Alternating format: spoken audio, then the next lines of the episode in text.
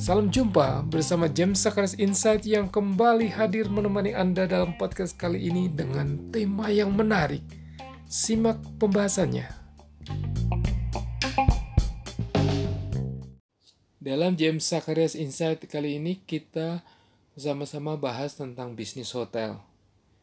Jadi mulai dari tahap uh, awal, tahap investasi, kemudian melihat pasar, kemudian model kerjasamanya seperti apa, operasionalnya, dan tantangannya. Jadi kita mulai dari sisi yang tahapan yang pertama, terkait dengan bisnis hotel.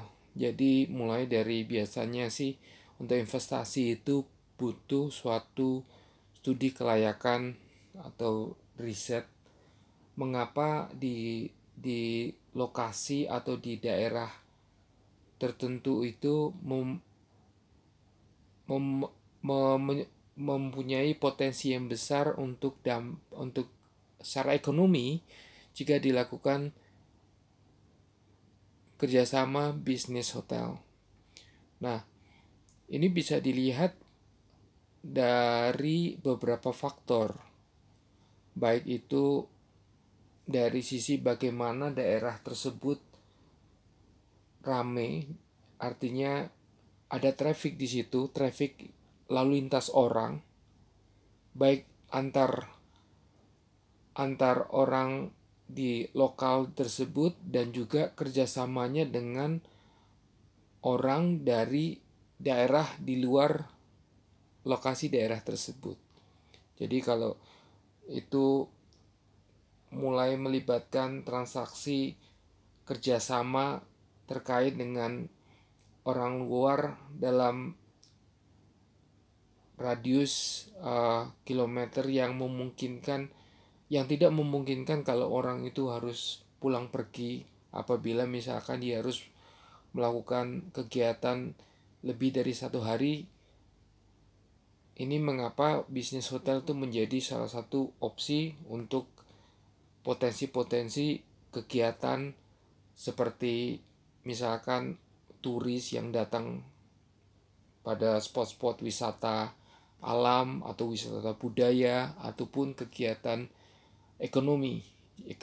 Ini terkait dengan pebisnis ataupun juga kegiatan atau event-event lainnya, baik itu pertunjukan musik, pertunjukan bagi seniman, terus kemudian konferensi bagi para misalkan peneliti ataupun uh, dosen, guru, serta juga event olahraga, pertandingan bagi atlet. Itu contoh kegiatan yang memungkinkan adanya mobilitas orang ke suatu daerah di mana membutuhkan uh, penginapan jadi di mana bisnis hotel itu bisa bisa jalan atau mempunyai uh, pasar di situ, mempunyai market di situ. Dan yang kedua, jika sudah ada demand di situ, kemudian harus juga dilihat faktor pendukung untuk menggerakkan bisnis hotel. Artinya kita bicara ke nanti operasionalnya bagaimana, faktor pendukungnya ya, secara eksternal yaitu mulai dari infrastruktur. Infrastruktur ini bisa dalam bentuk infrastruktur sisi infrastruktur bangunan karena kita bicara penginapan. Kita harus punya infrastruktur bangunan. Meskipun nanti kalau bicara tentang bisnis hotel tidak harus mempunyai atau membangun bangunan. Nanti kerjasamanya kita akan bahas berikutnya. Terus kemudian infrastruktur lainnya, infrastruktur akses transportasi dari titik-titik di mana pendatang itu datang. Menggunakan moda transportasi apa? Apakah itu bandara, apakah itu stasiun kereta api, apakah itu terminal bus, apakah itu pelabuhan feri. Karena nantinya kan dari calon konsumen yang potensial itu datang itu kita juga apa namanya kita harus petakan. Mereka datang dari menggunakan apa dan dari dari situ kita lihat infrastruktur baik infrastruktur transportasi jalan kalau itu misalkan menggunakan transportasi darat kalau itu menggunakan uh, hotelnya ini berada di pulau sehingga perlu menggunakan infrastruktur laut kapal kapal kecil atau ferry atau boat ataupun menggunakan helikopter. Infrastruktur ini termasuk layanan jas layanannya itu seperti apa? Begitu travel operator-operator transportasi penunjangnya itu seperti apa? Itu juga kita harus uh, lihat. Dan ini tadi di moda transportasi dan infrastruktur yang berada di lokal dekat dengan uh, lokasi hotel yang akan yang direncanakan untuk dibangun yang akan direncanakan untuk dioperasikan. Nah, kemudian tadi kan kita udah bicara bahwa uh, di lokasi itu akan mendatangkan orang ataupun tamu di mana ada lalu lintas lalu lintas orang yang datang dari luar. Nah, dari sini kita juga harus punya profil dari yang akan nginep di hotel ini apakah orang tamunya ini tamu dari lok apa namanya dari dari eh, daerah yang di dekatnya artinya radius ya misalkan kurang dari uh, eh, 100 atau 200 km ataupun juga lebih dari itu ataupun juga masih dalam satu negara ataupun antar negara. Yang kita bisa katakan turis asing atau pebisnis asing yang datang. Sehingga kalau kita bicara tentang potret ataupun profil dari calon tamu ini kita harus lihat karena kan akhirnya kita akan bicara ke demandnya. Uh, bagaimana yang akan nanti akan yang mempengaruhi okupansi dari ruangan atau kamar hotel itu kan berarti banyaknya demandnya itu seperti apa. Sehingga kita harus tahu penunjangnya itu salah satunya bagaimana uh, potret atau profil misalnya kalau kita bicara tamunya itu turis dari turis asing atau pebisnis asing jadi kita harus juga lihat tentang uh, profil transportasinya. Baik itu jumlah frekuensinya per hari ataupun frekuensi dalam seminggu itu pada kalau turis pada weekend ataupun kalau pebisnis pada weekdays ataupun hari-hari kerja kita juga harus lihat termasuk layanan atau layanan transportasi termasuk mas berapa jumlah maskapainya yang menyediakan ini. Karena dari sini kita akan melihat selain dari sisi frekuensi kita juga harus lihat bagaimana kerja dalam operasi operasionalnya nanti kita akan juga kerjasama dengan maskapai-maskapai ini. Dalam bentuk bundling bundling service atau layanan sehingga memungkinkan adanya uh, promo yang bersama sehingga jadi tamu dari luar negeri untuk menginap di uh, hotel hotel mendapatkan promo potongan karena menggunakan maskapai ini. Jadi semacam bundling bundling service atau layanan.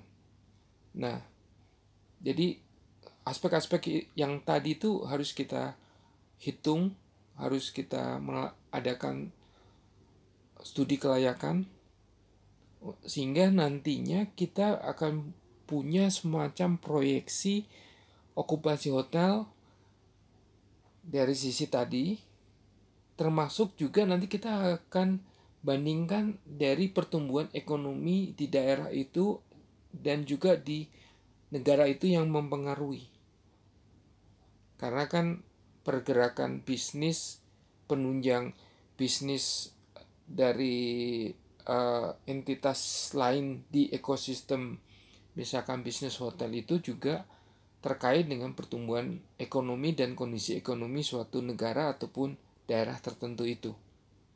Nah, dari situ kita akan lihat proyeksinya peluang pasarnya seperti apa. Dari tahapan tahapan-tahapan waktunya. Nanti kita akan bahas untuk uh, bagaimana perhitungan ataupun gambarannya untuk melihat potret uh,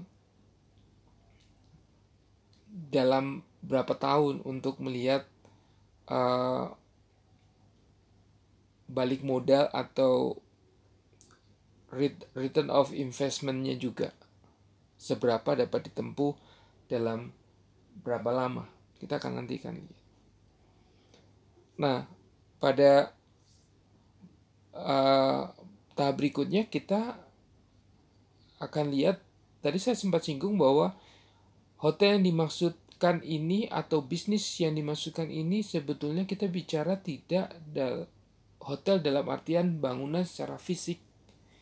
Artinya bisa jadi yang yang akan me menjalankan bisnis hotel tidak harus mempunyai bangunan. Itu. Jadi bentuknya sih macam-macam.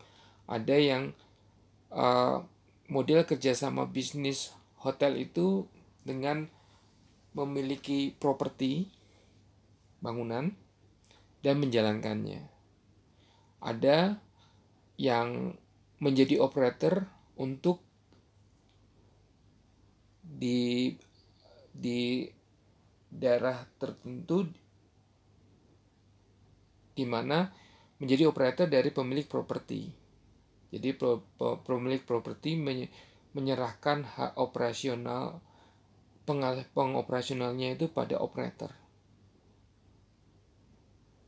Nanti operator akan menjalankan sesuai dengan bisnis ataupun bendera dari operator. Nanti nanti Anda akan lihat di secara internasional itu operator-operator hotel yang terkenal itu juga tidak harus di negara yang cukup jauh atau bukan menjadi target utama untuk apa namanya untuk uh, menjadi pasar utamanya biasanya mereka tidak menginvestasikan uh, properti di sana namun mereka memilih pemilik properti di lokal atau negara tertentu dan mereka menawarkan kerjasama sebagai operator pelaksana untuk uh, bisnis hotel. Terus yang ke berikutnya atau ketiga bisa jadi yang dilakukan tidak dalam bentuk uh, sebagai opera, operator untuk operasinya, namun mereka hanya memberi menjual waralaba atau franchise-nya termasuk dengan uh, tata cara kaidah operasionalnya yang dijalankan oleh partner yang bekerja sama. Kita sempat singgung bahwa untuk bicara ke bisnis hotel ini melihat dari sisi investasi, dari sisi pertumbuhan ekonomi, dari sisi uh, proyeksi pertumbuhan bisnis, artinya okupansinya, itu nanti akan ditarik dalam suatu perhitungan return of investment, uh, pengembalian keuntungan dan investasinya itu macam-macam setiap hot setiap bisnis itu mempunyai uh, target waktu. Namun ada yang menggunakan secara umum sekitar proyeksi return of investment-nya sekitar pada tahun ke-7 atau tahun ke-10. Nah, dari sini kita lihat bahwa investasi hotel ini bukan merupakan investasi jangka pendek. Sehingga profil pertumbuhan ekonomi, kondisi ekonomi, kondisi keamanan, stabilitas keamanan itu memegang peranan yang strategis atau boleh dikatakan kritikal. Karena jika terjadi ketidakstabilan ekonomi atau ketidakstabilan keamanan sehingga tidak mendukung ada orang apa kegiatan di situ, kemudian ada tamu yang datang sehingga akan mempengaruhi okupansi dari hotel dan juga pada sisi penerimaan pendapatan ataupun target yang telah diproyeksikan dalam jangka yang tidak pendek ini kan. Nah,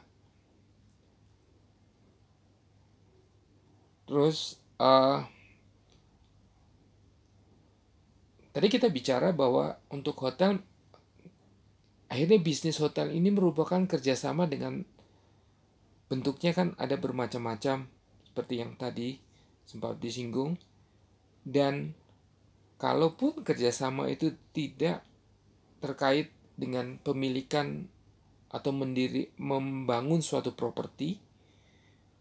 Namun kerjasama yang lebih lebih uh, uh, lebih baiknya bila antara operator ataupun pemegang waralaba ataupun lisensi franchise hotel tersebut dilibatkan saat awal pembangunan atau persiapan suatu hotel ini terkait dalam pemilihan lokasi, arsitektur bangunan, desain kamar, ukuran, jumlahnya, serta persiapan sumber dayanya, termasuk sumber daya manusia.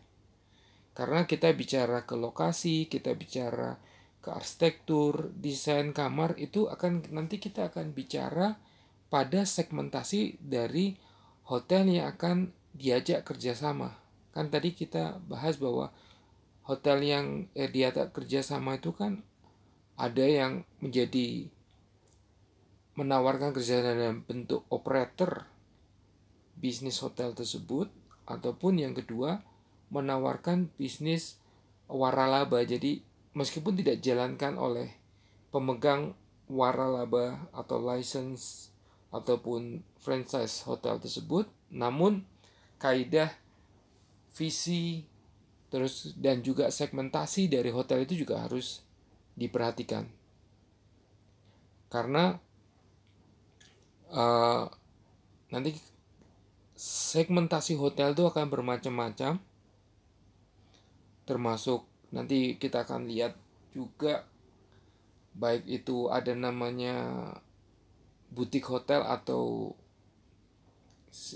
untuk luxurious hotel yang positioningnya itu lebih ke arah uh, ya apa namanya lebih terarah terarah uh, market yang niche segmen pasar yang yang terbatas misalkan untuk VVIP sehingga ada custom uh, customization untuk uh, kebutuhan dari tamu-tamu VIP itu seperti apa sehingga tadi kan sempat disinggung desain kamarnya seperti apa, ukurannya seperti apa.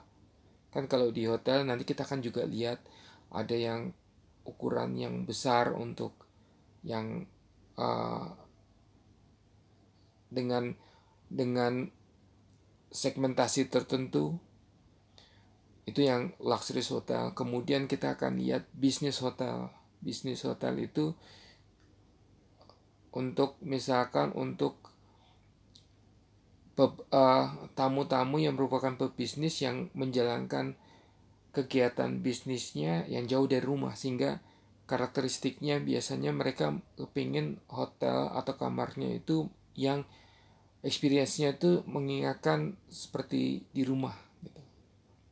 Nanti kan beda lagi dengan hotel untuk di kawasan wisata di mana menyajikan pemandangan alam yang turis-turisnya datang itu untuk melepaskan kepenatan dari daerah asalnya untuk masuk apa untuk melihat pemandangan alam dan sebagainya. Terus kemudian juga ada segmentasi budget hotel. Budget hotel ini terkait dengan sisi uh, bahwa lebih ke, uh, ke arah pricingnya juga sehingga efisiensi yang efisiensi yang yang ada itu disesuaikan dengan tarif kamar ataupun uh, berapa kemampuan dari tamu itu yang yang dikeluarkan untuk membayar tarif kamar dari suatu hotel. Salah satunya misalkan kalau budget hotel ini, pengalaman saya dulu kalau salah satu budget hotel seperti di Jepang, itu karena di Jepang itu karakteristiknya properti harga properti atau lahan tanah itu sangat mahal sehingga untuk budget hotel itu uh, dalam mengoperasikan budget hotel itu strateginya macam-macam. Ada yang kamar dan toiletnya yang kecil ataupun juga ada yang dinamakan hotel kapsul.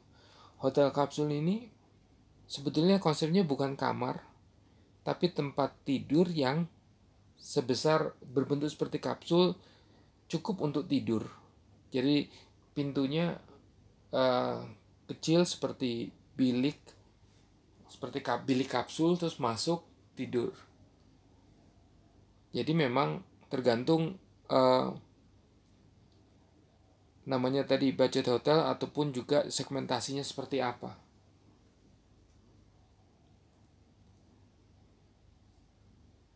Nah, kemudian uh, Tadi kita sempat singgung bahwa untuk berkaitan dengan segmentasi dan juga jenis-jenis hotel yang di yang kita bisa lihat baik itu hotel untuk wisata, resort ataupun hotel untuk pebisnis, urban hotel ataupun segmentasi luxury hotel atau boutique hotel. Jaringan bisnis atau jaringan hotel internasional uh, dalam perkembangannya sekarang ini menggunakan uh, jaringan pemesanan yang terpusat. Artinya ini terkait dengan efisiensi. Karena kita kan tadi bicara tentang bisnis, bagaimana efisiensi di segala lini. Salah satunya dalam proses untuk booking atau call center atau layanan peng, layanan pelanggan itu kalau kita lihat untuk hotel internasional jadi misalkan gini kalau anda ingin uh, memesan hotel anda dari negara lain memesan hotel di suatu negara negara misalkan di Jepang untuk jaringan internasional yang pusatnya itu sebetulnya oh, hotelnya memang di Jepang tapi jaringan hotel internasional ini pusat pemesanan atau call center online untuk pemesanan online bookingnya itu terpusat misalkan di Amerika. Jadi karena baik itu lewat telepon ataupun lewat email online ini terpusat. Sehingga dalam sisi bisnis ini membuat uh, efisiensi menjadi lebih terjaga. Karena kan tadi kita ini terkait dengan bisnis yang time frame-nya itu jangka waktunya itu tidak pendek. Kan 7 sampai 10 tahun tadi. Nah, terkait dengan time frame tadi kan tadi kita sempat bicarakan tentang kerjasama. Jadi ada hotel yang uh, yang menjalankan bisnisnya itu memiliki hotel, ataupun yang kedua uh, yang menjalankan bisnis hotelnya itu tidak tidak harus memiliki properti atau bangunannya sehingga dia bertindak sebagai operator terhadap uh, partner yang punya bangunan. Dan yang ketiga tadi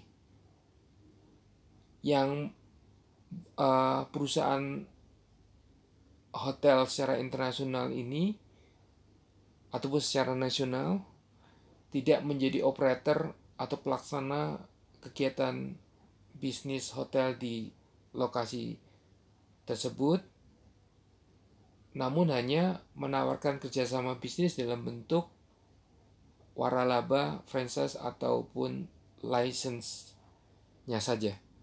Sehingga kalau misalkan kerjasamanya yang terjadi seperti itu, misalkan uh, hanya sebagai operator ataupun uh, membeli waralaba ataupun license-nya saja dalam kurun waktu yang tadi untuk kurun waktu 7 sampai 10 tahun mereka mengadakan kerjasama kemudian setelah itu tidak jarang juga atau memungkinkan setelah kontrak habis habis kerjasama dengan jaringan hotel internasional itu tidak diperbarui. Kemudian pemilik e, bangunan menjalankan hotel tersebut dengan brand sendiri. Nah, dari sini kita harus melihat konteks kerjasamanya tadi bahwa hotel ini bisnis hotel ini bukan terkait dengan bisnis hotel sebagai tempat penginapan sebagai uh, sisi yang tangible sesuatu sisi yang kelihatan. Tetapi sebetulnya nilainya juga intangible atau intrinsik baik tadi reputasi dari operator yang menjalankan ataupun Eh, prosedur-prosedur uh, yang harus dijalankan harus diikuti oleh pewar apa yang mempunyai lisensi atau mempunyai waralaba tadi. Sehingga kalau ini tidak di di di manage dengan baik proses transisi dari hotel yang dulunya mempunyai reputasi yang setelah telah udah terkenal secara global ataupun secara nasional namun setelah diganti berganti nama ini uh, ternyata tidak tidak tidak terlalu uh, tidak memberi kepastian bahwa uh, perjalanan bisnis dan hasil dari kegiatan bisnisnya semulus seperti awalan uh, saat kerjasama dengan hotel sebelumnya. Tetapi tidak menutup kemungkinan akan lebih sukses. Nah, dari sini memang terkait bahwa kegiatan bisnis ini merupakan proses yang terus-menerus, proses yang menuntut suatu uh, perbaikan, proses yang harus melihat apa yang menjadi kebutuhan dari market, apa yang menjadi kebutuhan dari konsumen, apa yang menjadi hal yang membuat konsumen ini terkesan dan juga tidak ter, tidak lepas dari bagaimana kegiatan bisnis ini melihat perubahan-perubahan yang terjadi. Karena dalam bisnis hotel ini juga terkait dengan entitas uh, pendukung pendukung lainnya baik secara langsung dan tidak langsung baik secara infrastruktur tadi baik secara fasilitas-fasilitas penunjang tadi ataupun parameter-parameter pendukung secara uh, iklim usaha, iklim ekonomi, iklim keamanan, stabilitas keamanan, dan jangan lupa bahwa dalam kegiatan bisnis nilai uh, proses untuk me, me, memelihara dan mengembangkan hubungan dengan pelanggan itu merupakan proses yang terus-menerus dan membutuhkan sumber daya, termasuk bagaimana kita menjaga mutu, menjaga branding, karena kegiatan bisnis seperti hotel ini tidak seperti kegiatan bisnis yang dapat dilihat dari time frame yang jangka pendek, tetapi jangka menengah, bahkan untuk keberlanjutannya ke jangka panjang. Dari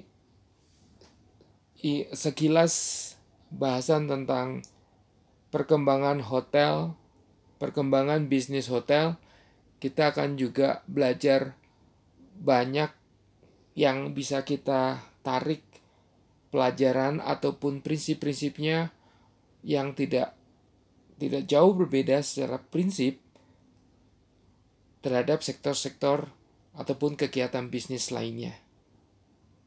Sekian James Zacharias Insight kali ini. Sampai jumpa. Ciao. Terima kasih telah menyimak podcast James Zacharias Insight kali ini.